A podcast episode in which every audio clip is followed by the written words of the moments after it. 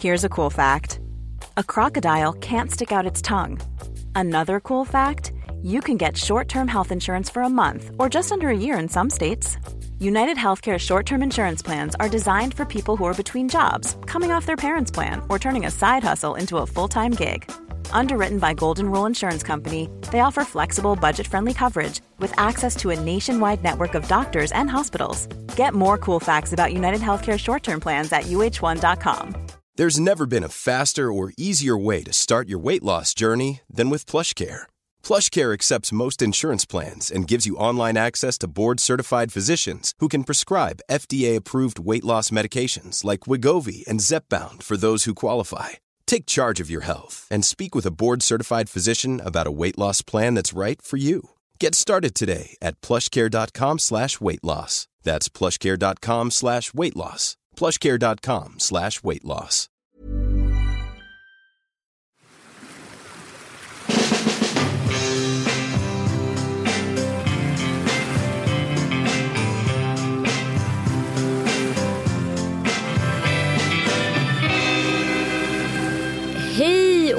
Välkomna till Lille Lördag Sommar. Och de här är ju lite special. Vi kommer ha lite gäster, vi kommer ha lite enämnespoddar och så vidare.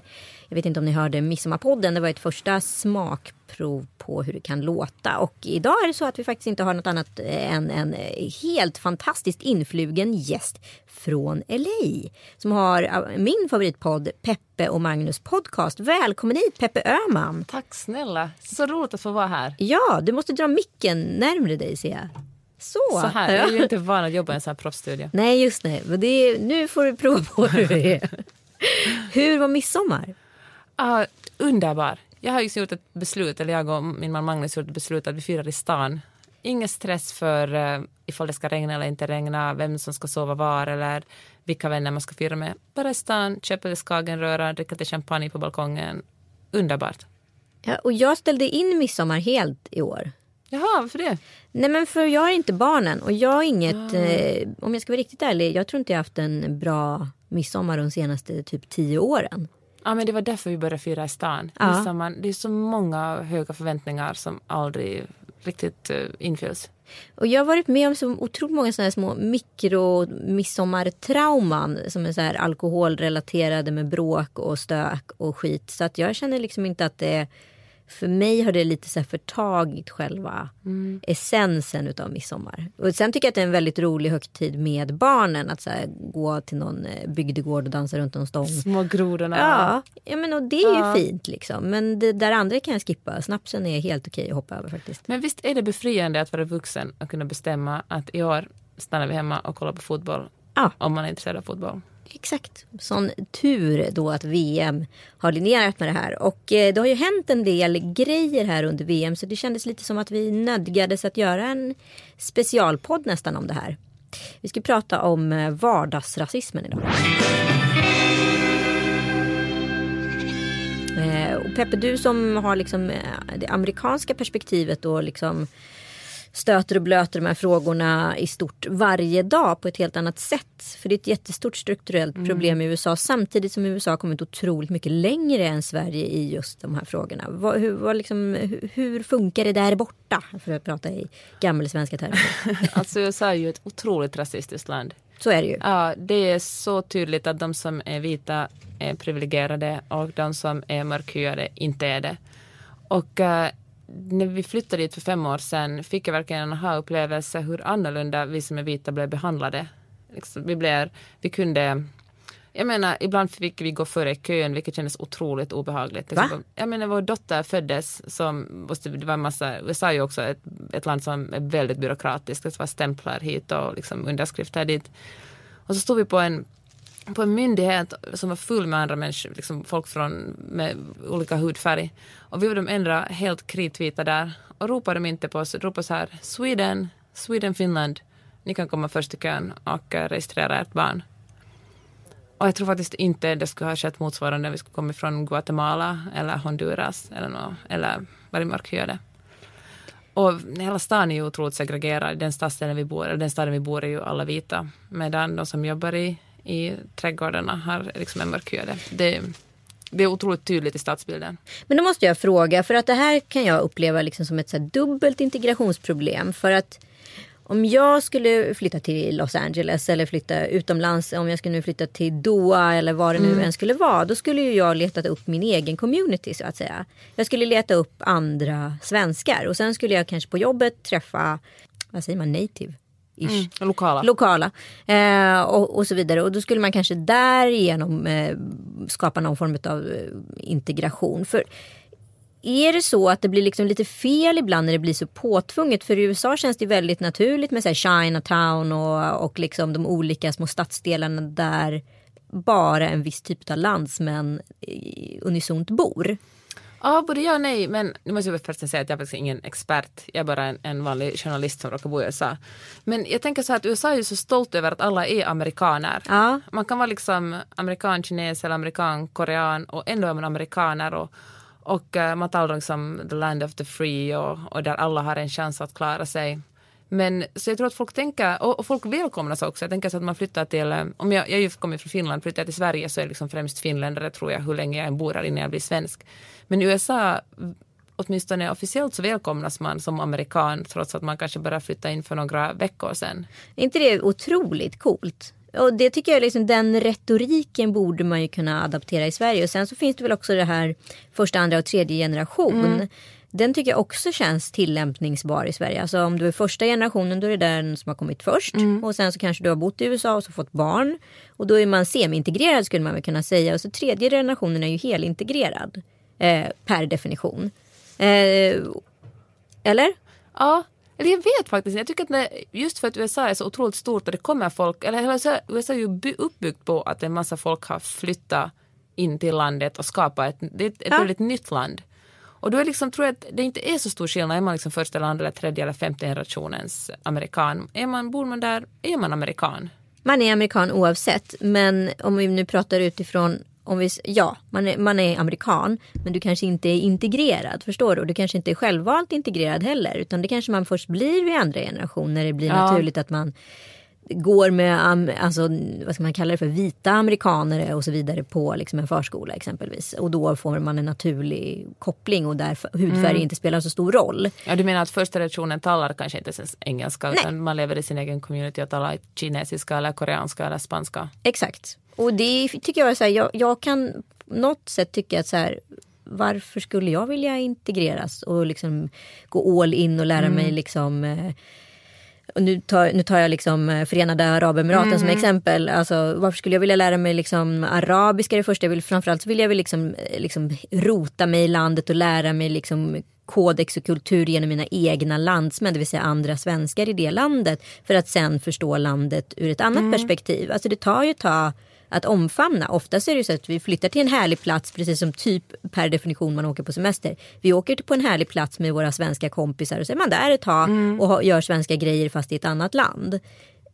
Men sen så blir förlängningen att man måste liksom till sist börja integreras. Alltså så skulle jag se det. Ja, det smyger sig på en lite. Ja.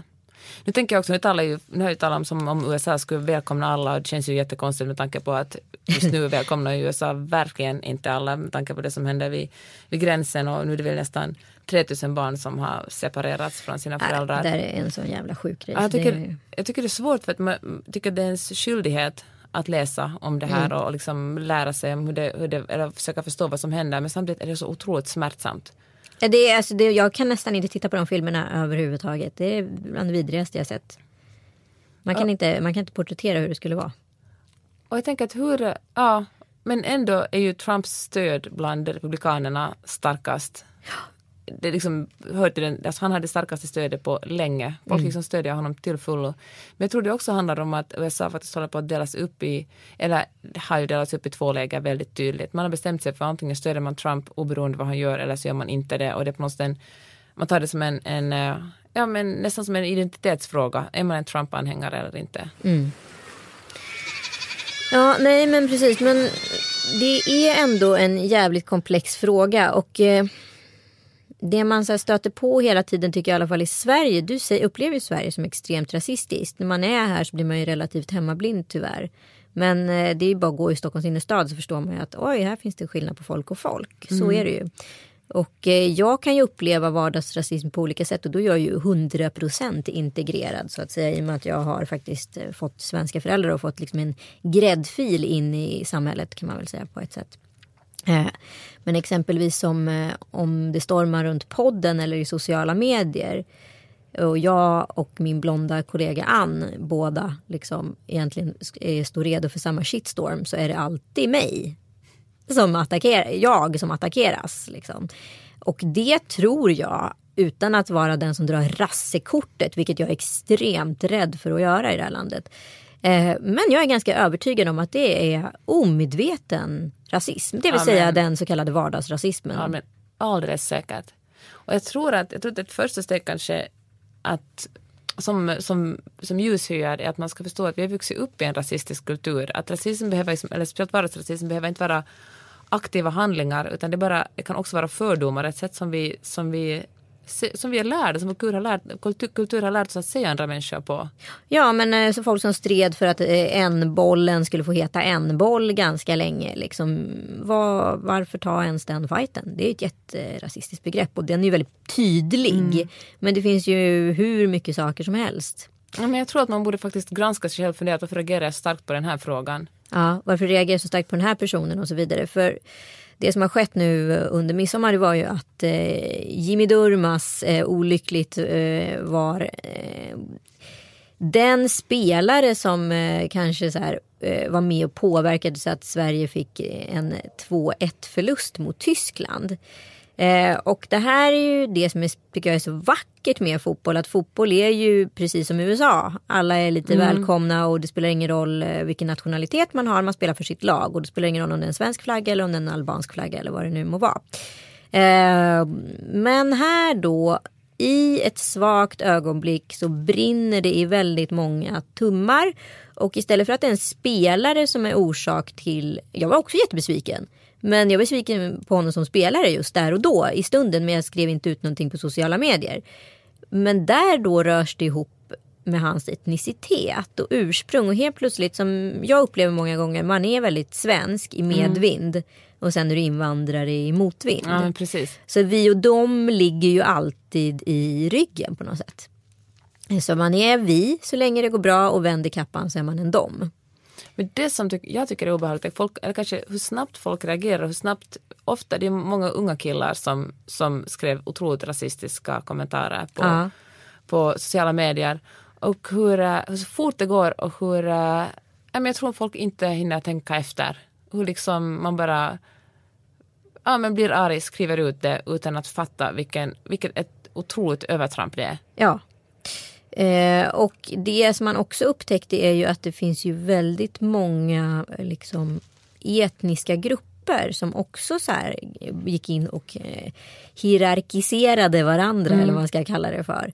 Alltså det fanns otrolig status i, liksom, eh, de, i minoriteter. Så att det är inte bara svenskar mot invandrare utan även invandrare mot invandrare. För det finns en, såklart en rasism i de grupperna också. Och det ska man ju inte sticka under stol med. Nej, men det känner jag också att, att bara för att man är invandrare så är man väl en vanlig människa ändå. På samma sätt som, som eh, svenskar är rasister kan man ju inte, så är, jag tror att vi alla har någon slags, vi alla är uppfostrade i någon slags rasistiska kulturer. Och det handlar inte om att peka finger på vem som är, vem som är värst. Rasism är alltid fel och det är alltid någonting man måste börja med att, jag menar, säga högt till när någon uttrycker sig rasistiskt och framförallt granska sig själv. Vad har jag för attityder gentemot folk som inte ser ut som jag? Mm. Förutom kanske, det finns ju ingenting som heter omvänd rasism. Alltså är man vit är man ju alltid privilegierad. Jag tycker det är helt rätt att svenska alltså Fotosförbundet har väl polisanmält vissa av de här rasistiska kommentarerna och det är precis som man ska göra. Genast polisanmäla, genast säga till, genast vara... Jag menar, är man tyst så ger man ju sitt medgivande. Hans fru och barn har ut, fått utstå dödshot. Är det en rimlig nivå? Det känns som att så här jag vet inte om det har ansträngts eller om möjligheten till det har kunnat liksom utöka via sociala medier. För förr i tiden, det kan jag alltid komma tillbaka till, så läste man en tidning och så var man arg på någonting mm. eller man satt och kollade på tv och skällde och svor med sina kompisar. Men sen så slutade tv-programmet och gick man vidare. Idag går du så långt. Alltså det finns ju en gränslöshet i det här i och med att du hela tiden kan kommunicera direkt med den du blir arg på. Alltså från att pratat liksom på diagonalen så kan du prata Mm. liksom på vertikalen eller vad jag ska säga. Så att, nej men jag tror många som skrev kommentarer, eh, de vad heter det, agerade i affekt. Och jag tror inte de innerst inne kanske brydde sig om vad han hade för nationalitet och så vidare. Utan de blev förbannade där och då. Och de skulle nog inte heller klassificera sig själva som rasister. Men där och då blir de ju rasister och det är det som är vardagsrasismen. Men kunde man hålla liksom tummen från att skriva det där då skulle man kunna också Ja, men precis som du säger, för jag tror också att varje gång man skriver någonting rasistiskt normaliserar det rasismen lite mer. Det blir liksom vardag, vi slutar uppröras. När det händer hela tiden slutar vi uppröras och bli chockerade utan det blir bara någonting som existerar bland oss och det borde ju verkligen inte få vara så.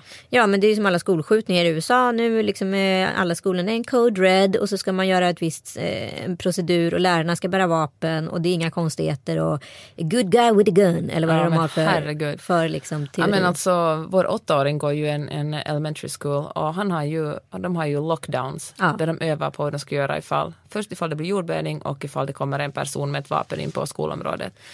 Och det är ju också sjukt att det är normal, Ja. en normal sak man tränar på i, i skolorna, små barn. Det är, liksom en, det är ju verkligen, ja det är ju ett sjukt samhälle det också.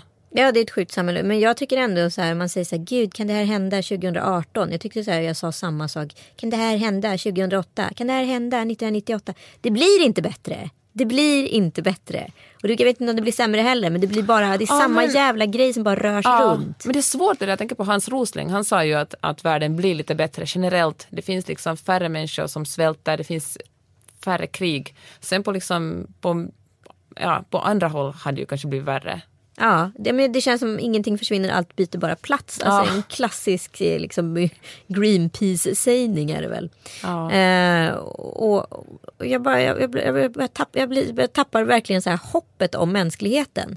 Och samtidigt man förstår göra? man ju det. För att det är nya unga generationer som inte har varit med om den gamla skolans eh, rasism. Och det är vi som är mitt i livet eller vad man ska säga har fått utstått på ett annat sätt och sett ur flera perspektiv och dimensioner. Det är alltid nya människor som kommer och ska uppleva nya saker och, upp, och ta sig an problem på ett nytt sätt. Och det kommer alltid vara ett problem. Det är mänsklighetens problem. Vad gör vi? Ska vi införa böter i sociala medier om man, eh, om man vad heter, det, skriver okvädningsord eller beter sig illa?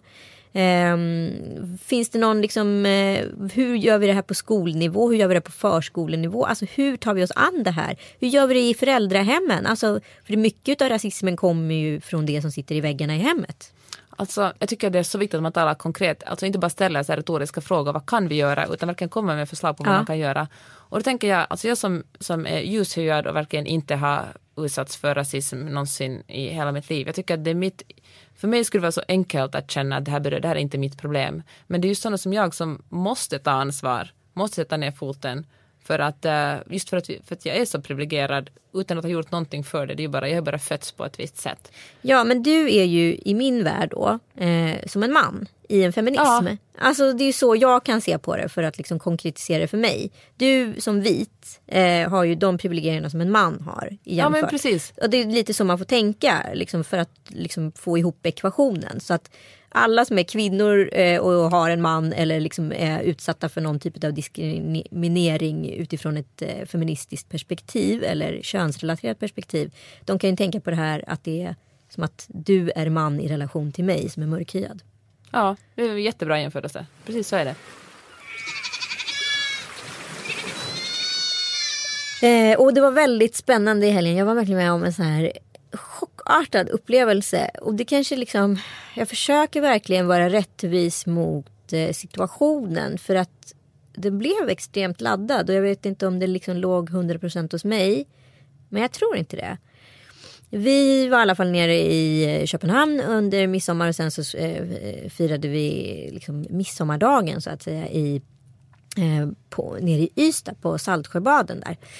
Eh, och sen på vägen hem så ska vi köra mot, eh, ja, ta oss an E4 och då måste vi korsa lite små kringelikrokvägar. Och vi är mitt ute i skogen och har väl inte riktigt koll på, vi sitter och lyssnar på spellistan på Spotify och sådär. Så står det plötsligt bara, åker något otroligt vacker så här, bokskog och det är så här, ja, det är Lilleputteland. Alltså så här, Ja, sommaridyllen i Sverige. Sommaridyllen i Sverige. Så här, vi måste bara så insupa det här tillfället. Det är så vackert allting. Allting är perfekt. Och så står det så här, kaffestuga och så pil in till höger. Så vi bara, ah, men fan vi testar, vi tar en kaffe. Det var perfekt. Du är lite kaffesugna. Åker in, kommer in på någon liten snårig grusväg och kör på. Och sen så när vi kommer fram till kaffestugan och går in så står det så här, kaffestugan i Sjöbo. Och där serverar då personalen, trots att midsommar är passerat, nu är vi alltså på söndagen, i nationaldräkter. Och jag får också reda på via sociala medier att de serverar i nationaldräkter året runt. Ja. På det här kaféet. Och jag känner mig lite som, eh, vad heter den, Little Britain, the only gay in the village, fast med ett annat ord. Ja. Eh, det blir knäpptyst när jag kommer in där. Och jag blir också knäpptyst. Jag märker att jag försöker samla mig och vara duktig. Ja. För att inte vara fördomsfull eller bete mig illa så de ska få en möjlighet. du känner att du representerar alla som inte är ljushyade eller har folkdräkt? Precis. Jag representerar andra. Och nu bär jag ett viktigt ansvar för hela den befolkningen. Så att jag måste uppföra mig kanske ännu mer Ja. korrekt än möjligtvis de gör. Eh, och jag hör liksom gamlingarna som sitter bakom mig. Jag tänker så här, men det här är på låtsas. De sitter och pratar om anpassning och vi och dem retorik. Gör och, de det? Ja, på fullaste allvar. Och Jag bara så här. Jag skakar alltså. Hela mina så här, händer skakar. Jag är så här, jag måste sitta kvar. Men jag vill bara åka härifrån. Jag är verkligen inte välkommen här. Och de anstränger sig också på ett jättekonstigt sätt mot mig för att här, visa att vi är inte såna svin som alla vet att vi är. Vi representerar Sverige och så vidare. Och jag tänker om jag hade kommit till ett annat land, om det hade kommit till Grekland och några hade serverat i folkdräkt, då skulle jag säga åh vad fint, vad Ja, mysigt. Åh, de så här, brinner för sin landstradition och vad härligt och vad gemytligt. Det här känns så här Genuint. genuint Ja. liksom. Och det var ju genuint. Alltså förstår du vad jag ska säga? För att vara svenskt eller för man skulle kunna säga så här, kanske en amerikansk tolkning på att vara svensk. Om Disney skulle komma dit och göra en film så skulle alla se ut sådär. Ja, faktiskt. Ja. Men hör du, är nyfiken. Hur ofta, känner du, eller hur ofta är du medveten om din egen hudfärg i Stockholm? Eh, i, Per Stock- dag till exempel? eh, I Stockholm inte alls skulle jag säga. Och, och mina barn, eh, eh, Penny sa tror jag första gången förra året bara men mamma du är brun. eh, så Ja. lite tänker mina barn alltså, på det också. Och eh, nej, jag tror inte jag liksom varken upplevs brun eller kort. som är så här, två uppenbara saker som jag är. Eh, I alla fall inte direkt uttalat till mig. Eh, sen om jag googlar mitt namn så är det både så Anita Schulman ursprung och längd som kommer upp. Är det sant? Ja, mm, det är det mina toppsök på Google. Nej. Jo. Eh, men nej, inte, inte alls. Men, det, du kom, men händer det liksom utanför, händer det ofta om du är ute på landsbygden att du känner dig mer, eh, jag menar du känner dig annorlunda? Nu, har jag ju, nu är ju problemet är att jag har blivit lite privilegierad i och med att jag blivit känd. Så de flesta som kommer faktiskt fram är väldigt snälla. Utan det där jag upplever konkret hat och eh, 100% rasism det är ju bakom skärmen. Det är där Ja, de kommer som direktmeddelanden på Instagram, eh, som en eh, slinga på eh, Flashback. Eh, eh, som en kommentar på bloggen som jag får blocka. Alltså där är rasismen. Mm. Hur Den känns är det? aldrig direkt. Blir du, hade norm, hade, är du så van vid det så du bara kan skjuta det ifrån dig eller känner du att eh, det påverkar dig? Nej, jag är så otroligt van. Men det är väl klart att det... Jag kan inte säga att jag blir ledsen längre, men det är en märklig känsla. Det är en märklig, märklig känsla. Som så här... Jag ska säga varför? Eller liksom Ja. så här, varför? Men eh, samtidigt så vet jag att den finns där. Jag är så otroligt van med den. Alltså, jag har ju levt med den hela livet. Alltså, jag vet att jag tror jag stod och tränade på så här, det gamla det fria när jag var liten. Vi skulle sjunga den på skolavslutningen och då kom någon granne förbi och spottade. Liksom. är det sant? Så har det ju varit liksom. Alltså jag har vuxit upp i Strömstad kommun som var granne med Tanums kommun var Sveriges första SD-kommun någonsin i Sverige. Det var alla, halva skolan var med i Vitt ariskt motstånd. Alltså så här, rasismen har alltid funnits där liksom. Och jag var en bra neger, jag var inte en dålig neger. För en dålig neger var jag då nyanländ invandrare. Jag var en bra neger eftersom jag var så kallat integrerad. Alltså så har ju retoriken gått. Och jag har liksom haft kollegor i vuxen ålder som har liksom på fullaste allvar skämtat så här, nu kommer hon lilla negern. Alltså, Är, det sant? ja, ja, och det här har varit mina vänner liksom under många år. Ehm, så så har det ju varit liksom. Och jag har försökt anpassa mig till det. För att passa in. Tror du att Sverige har blivit mer rasistiskt eller, är det bara, eller har vi blivit mer medvetna om rasismen? Eh, nej, jag tror vi är exakt lika rasistiska. Som jag säger att det kommer nya generationer som ska pröva samma liksom, trial and error som förut. Sen kan man ju alltid hoppas på att varje föräldrageneration då som blir, blir lite mindre rasistisk. Men det verkar ju inte bli så. Eller? Nej, nej det tror jag inte. Eller, fan, det är en supersvår fråga. Jag tänker då på USA där, eh, där en ny form av, av eh, jag, jag tror att det som man, det, det, det mera, sociala medier har gjort det mer okej okay att uttrycka sig rasistiskt, ja. riktigt grovt rasistiskt. Och uh, det kan ju vara att den rasismen alltid har funnits inom folk men det bara liksom har ploppat fram nu. Men jag tror också det att, man har, att, att, det, att rasismen blivit mer normaliserad i sociala medier, att folk kanske till och med agerar på den mer våldsamt nu än kanske förr. Jag vet faktiskt inte. Jag lyssnade på eh, P3 Dokumentär, det här eh, Helenmordet som var 1989 nere i Hörby i Skåne. Vi åkte förbi där så det var därför liksom den eh, grejen kom upp. Och jag, hon var ju ett år yngre än mig när hon blev mördad utav Ulf Olsson. Och det drabbade mig så hårt redan då så att det här brottet alltid liksom legat så nära till hands. Mm. Så jag går ofta tillbaka till det och tänker på den tiden och det samhälle som var då och hur saker och ting såg ut. Men det som var intressant i den P3-dokumentären, för då fick man höra liksom hela förundersökningen och sen satt jag och malde massor hemma om det här efteråt. Eh, det var att på platsen där hon försvann eh, vid en eh, liksom, lågpriskedja, där fanns nämligen tio stycken män i, i omlopp vid tidpunkten som alla var sexualbrottslingar eller pedofiler.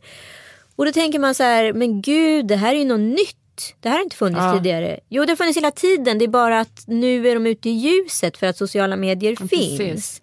Då fanns de, men då låg de i ett polisprotokoll eller liksom eh, var anmälda. Alltså, om vi kan inte säga att jag tror inte anmälningarna har gått upp, de har bara synliggjorts. Ja. Jag tror alltid folk har anmält.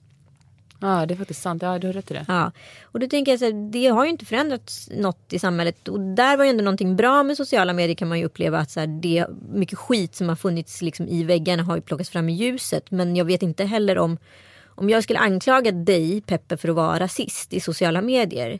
Inte skulle du älska mig mer och vara så här, fan det där tar jag till mig. Du skulle bli ännu mer rasistisk. Ja. Du skulle liksom agera precis tvärtom. Du har ju blivit liksom utsatt, du har blivit hånad offentligt, du är kränkt. Ja. Hur straffar man någon som är kränkt? Jo, du röstar på SD. Liksom. Men hur ska man göra det? Ska man försöka förklara eller försöka jag vet inte, det måste ju finnas någon lösning. För så, vi kan ju inte bara, liksom, det, sociala medier finns och vi kan ju inte bara bestämma oss för att, och det kommer mycket gott med sociala medier också tycker jag. Men vad finns det för konkreta åtgärder då?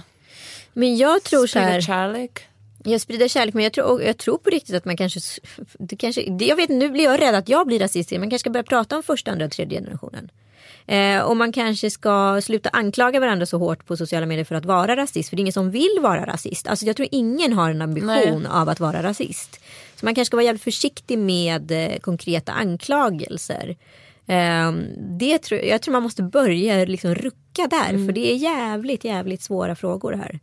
Eh, och det funkar ju uppenbarligen inte att jag står och skriker på dig och säger att du är rasist. Nej, nej det gör det ju verkligen inte. Det är ju bara klyftan liksom större. Ja. Jag tänker att det är en ganska naturlig känsla att man blir arg på någon som är rasistisk eller sexistisk. Man vill hänga ut dem, man vill liksom hämnas på dem för det de har sagt och peka ut dem. Ja, jo men så är det ju. Men jag vet inte om det hjälper i det långa loppet. Det är någonting som kanske hjälper hjälper dig. Ja, för stunden. En, för stunden. Alltså det är lika mycket om man nu tänker på vad den som skrev den rasistiska kommentaren skrev, eh, liksom fick ut i sin liksom, ilska för stunden. Mm. Får ju du ut där och då för stunden. Men det kommer ju inte hjälpa samhället på det Nej. långa. Liksom. Så att grundläggande principen är väl att alla ska liksom ha någon form av impulskontroll och liksom backa. Mm. Att inte liksom, för nu är det så jävla fightstämning tycker jag där ute. Um, så fort någon skriver eller säger någonting så, så det är likadant i liksom mina trådar. Om någon uttrycker någonting lite fel eller trevande eller tvekande så är det så här 2000 personer som bara sitter och bara så här, liksom, ja. det är verkligen så här fradga i mungiporna på att bara så här, nu jävlar ska vi gå in och krossa den jäveln liksom. Så ett större förståelse, jag kanske utgår från att, att folk försöker mena väl i alla fall eller försöker förstå varifrån de kommer. Ja, Eh, och jag tror som sagt inte på att så här, anklaga någon för att vara rasist just nu. För att det är typ det sista vi behöver. Alltså Mm. samhället, vi får inte, SD kan inte få makten. Så är det bara. Och då måste vi samverka för det här. Och genom att avrasifiera alla. Okej, nu fick alla carte blanche här. Ja. Eh, på riktigt. Så här, börja göra om, gör rätt liksom. Nu, ingen är rasist. Ingen kommer anklaga någon för att vara rasist. Om man nu är det, då får man stå för det. Men är man inte det så ska man inte bli anklagad för det. För då kommer du potentiellt kunna bli en rasist. Ja, ja, det stämmer. Sen tror jag också att kunskap är makt och jag tycker att det är otroligt viktigt att ha välfungerande medier. Att kunna istället för att läsa om konspirationsteorier eller kolla på Youtube-filmer som handlar om någonting som faktiskt inte stämmer. Och att, eh, jag menar, läsa på, prenumerera på en, ta en digital prenumeration på en dagstidning till exempel tycker jag är jätteviktigt. Stöd oberoende journalistik. För att med kunskap kanske man har större förståelse varför det kommer asylsökande till vare sig det är USA eller Sverige eller Finland. Ja men jag tycker också med när talongen om krigen eller kriset kommer att man borde så tänka på vad händer med oss om vi hamnar i nöd. Nu är ju ni aldrig där jag kommer att vara om jag hamnar i nöd för ni är vita och privilegierade.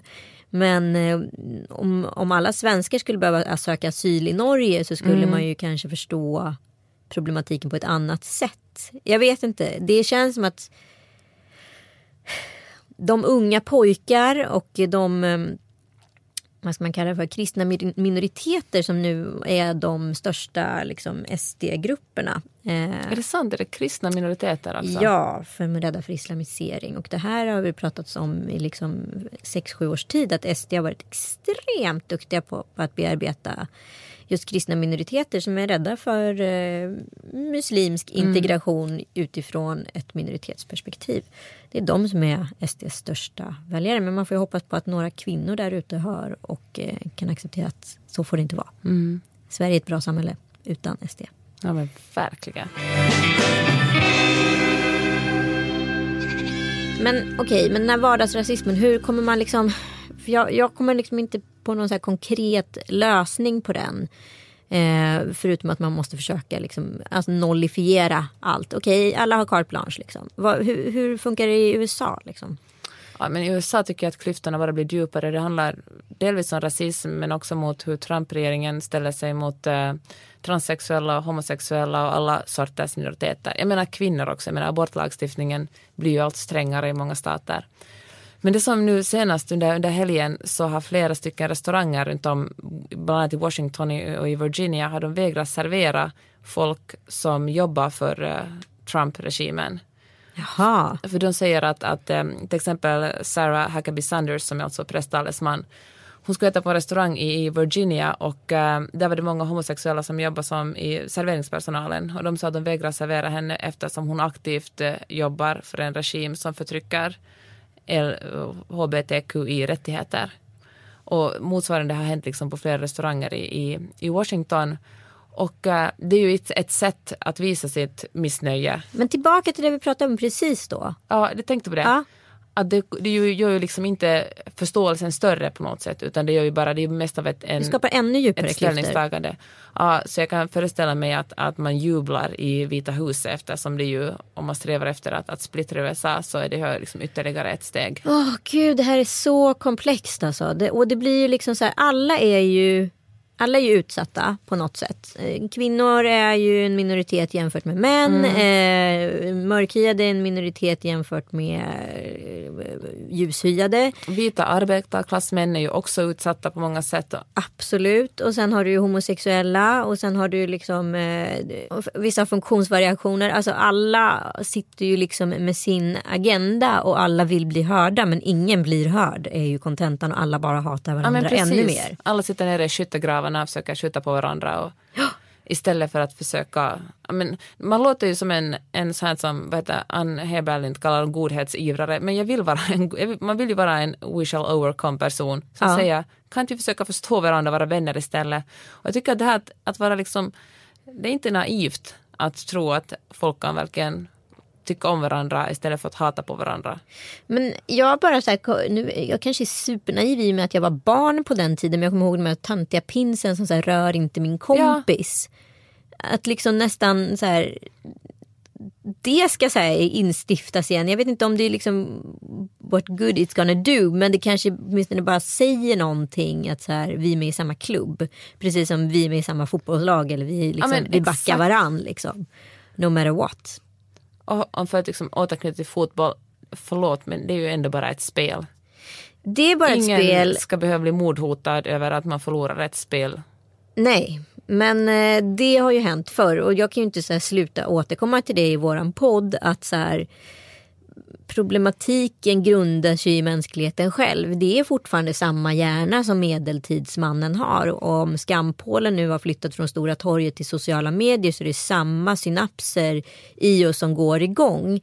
Det som har skett under vissa årtionden det är ju bara att vi inte haft någon, något eh, forum liksom där det har funkat att så få ut de här åsikterna. Eller vi kanske inte har klarat av tekniken eller behärskat redskapen. Liksom.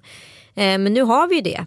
Och vi kan till och med, liksom en 65-åring kan ju idag sitta och skriva elaka kommentarer på Svensk Damtidning. Liksom. Um, så är det till och med en 65-åring. Ja, ja. ja, men så är det ju. Liksom. Alltså, tekniken är ju med oss på gott och ont. Liksom. Men då handlar det ju om att då måste ju vi sätta igång och skärpa till oss. För att allting kan ju, the sky's the limit, everything can be done. Ja, men då måste ju vi hantera oss som art. Ja. Alltså, jag tänker verkligen på Louis CKs eh, otroligt roliga stå att vi ska vara så tacksamma för att we're out of the food chain. Det kommer ja. inte vara liksom en, en tiger som kommer liksom äta upp oss på busshållplatsen när vi står där och väntar.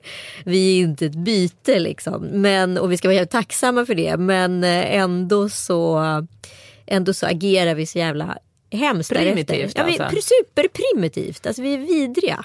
Ja men vi är ju bättre än så. Eller vi, vi kan bli bättre än så. Ja annars tycker jag fan vi att jag hoppas att någon typ kråka fattar hur smart den kunde vara och vilken jävla kraft den har. Så att den, så här, vi måste vara så här, rädda för kråkorna. De så här, står över oss. jag vill in the food chain igen. Så att jag får, jag får något att vara rädd för. det finns en övre makt som är starkare än oss.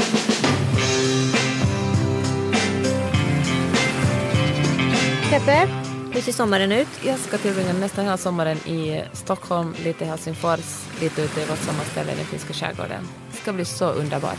Underbart. Jag flyr landet nu eh, efter helgen och eh, beger mig söderöver i Europa.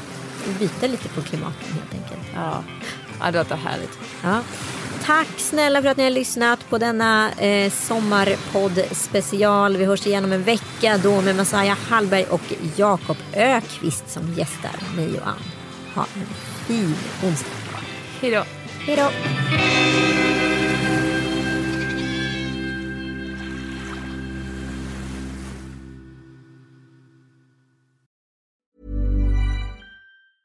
Selling a little or a lot? Shopify helps you do your thing however you cha-ching. Shopify is the global commerce platform that helps you sell at every stage of your business. From the launch your online shop stage to the first real life store stage, all the way to the did we just hit a million orders stage. Shopify is there to help you grow. Shopify helps you turn browsers into buyers with the internet's best converting checkout. 36% better on average compared to other leading commerce platforms because businesses that grow grow with Shopify. Get a $1 per month trial period at shopify.com/work. shopify.com/work. Planning for your next trip? Elevate your travel style with Quince. Quince has all the jet-setting essentials you'll want for your next getaway, like European linen, premium luggage options, buttery soft Italian leather bags, and so much more. And it's all priced at 50 to 80% less than similar brands. Plus, Quince only works with factories that use safe and ethical manufacturing practices. Pack your bags with high-quality essentials you'll be wearing for vacations to come with Quince. Go to quince.com slash trip for free shipping and 365-day returns.